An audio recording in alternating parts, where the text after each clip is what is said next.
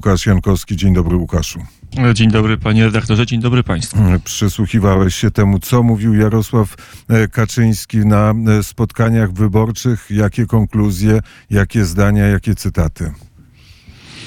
Jeżeli chodzi o weekend, to kolejny weekend pracowity dla lidera partii rządzącej. Zresztą nie jest to nowina od w zasadzie już ponad od dwóch miesięcy Jarosław Kaczyński jest w trasie. To są zawsze, czy prawie zawsze spotkania w sobotę i w niedzielę, najczęściej mm, po dwa spotkania mm, każdego dnia weekendu. Ten weekend był mm, trochę inny, bo w sobotę tylko jedno spotkanie w Wadowicach, a potem już dwa spotkanie w Bielsko, dwa spotkania w Bielsko-Białej, pierwsze, a, a drugie w Żywcu.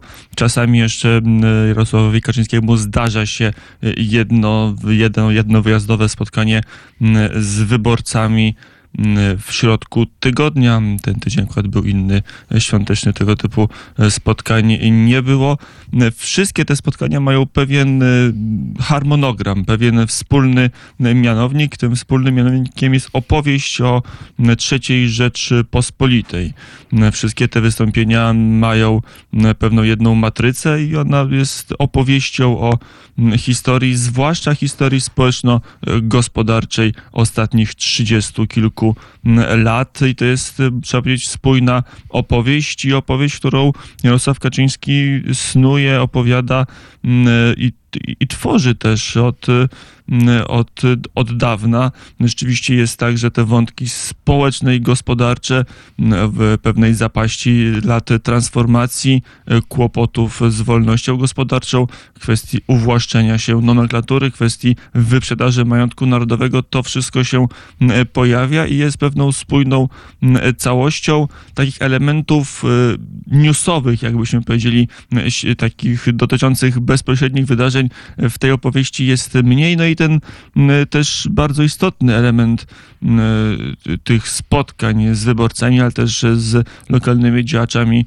Prawa i, Prawa i Sprawiedliwości to jest oczywiście mobilizacja i na każdym takim spotkaniu to jest bardzo silny akcent, że te wybory są ważne, najważniejsze. To już przywykliśmy dla polityków, każde następne wybory są najważniejsze.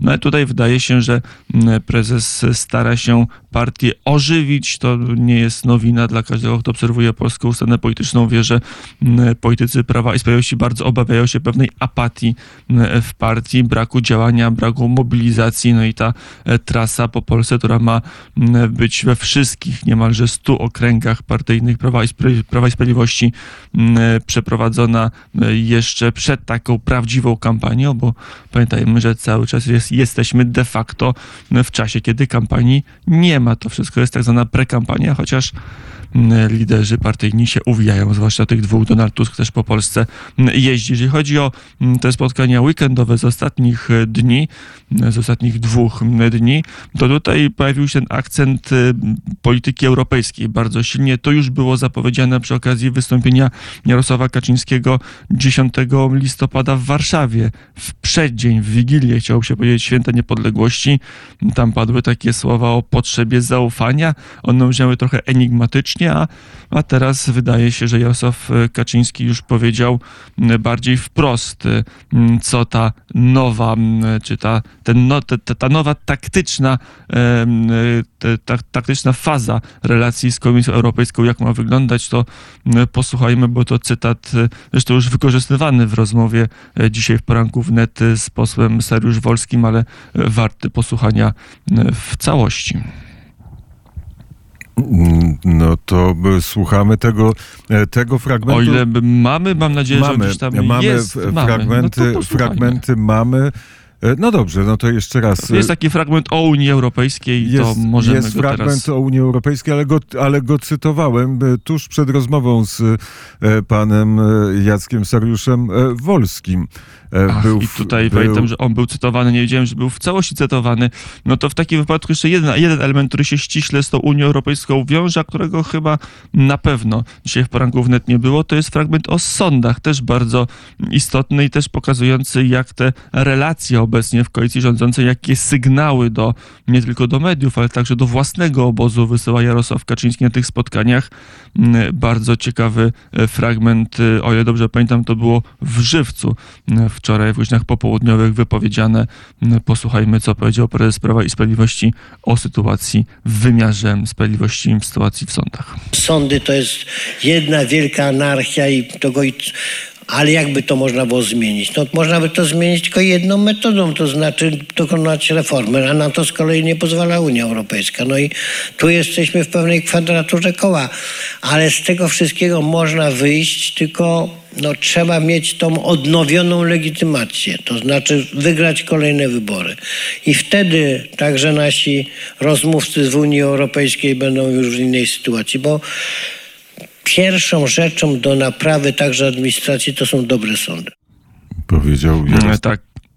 Tak. Tak. mówił Jarosław m, e, Kaczyński, ale to też pokazuje, m, że ten zwrot, że sądy to jedna wielka anarchia po siedmiu latach rządów Prawa i Sprawiedliwości, ale także rządów Zbigniewa Ziobro w Ministerstwie Sprawiedliwości, myślę, nie są słowami przypadkowymi i też są elementem roz, rozgrywki między premierem Mateuszem Morawieckim, chyba też prezesem Jarosławem Kaczyńskim, który przyjął i to w tym stacie, który pan redaktor już wy, wy, wy, po, zaprezentował przy okazji rozmowy z Jackiem Sariusz-Wolskim, ale też w tym wypadku pokazuje, że, że też chyba Jarosław Kaczyński uznał, że, że ta kolejna próba porozumienia z Komisją Europejską jest potrzebna, a Zbigniewem Ziobro i jego mm, politykami, jego stronnikami, którzy twierdzą, że takie, że takie rozmowy nic nie przyniosą, że będą kolejne ustępstwa bez żadnych zysków dla mm, Rzeczypospolitej. No i wydaje się, że to będzie spór, który będzie dominował w najbliższych tygodniach dyskusję wewnątrz mm, obozu rządzącego. Pamiętajmy, że mm, przy okazji z kolei swoich spotkań jeszcze mm, w środku tygodnia Donald Tusk zapowiedział, że mm, opozycja po raz kolejny w tej kadencji to będzie trzeci w ogóle, to być może piąty albo szósty, już nie wszystkich zliczę, złoży wotum nieufności wobec Zbigniewa Ziobro. E, To wotum być może ma o tyle większe szanse, że e, Paweł Kukiz na antenie zresztą Radia Wnet y, bardzo, w bardzo ostrych słowach zapowiedział, że jak najbardziej tego typu wotum nieufności mm, e, poprze. No i być może, o ile rząd Mateusza Mor- Morawieckiego ma dość stabilną większość, to minister Ziobro tej większości już może nie być taki mm, pewien. E, Tym będzie pewżyła polska polityka w tym tygodniu. To też wynika z tych weekendowych spotkań Jarosława Kaczyńskiego.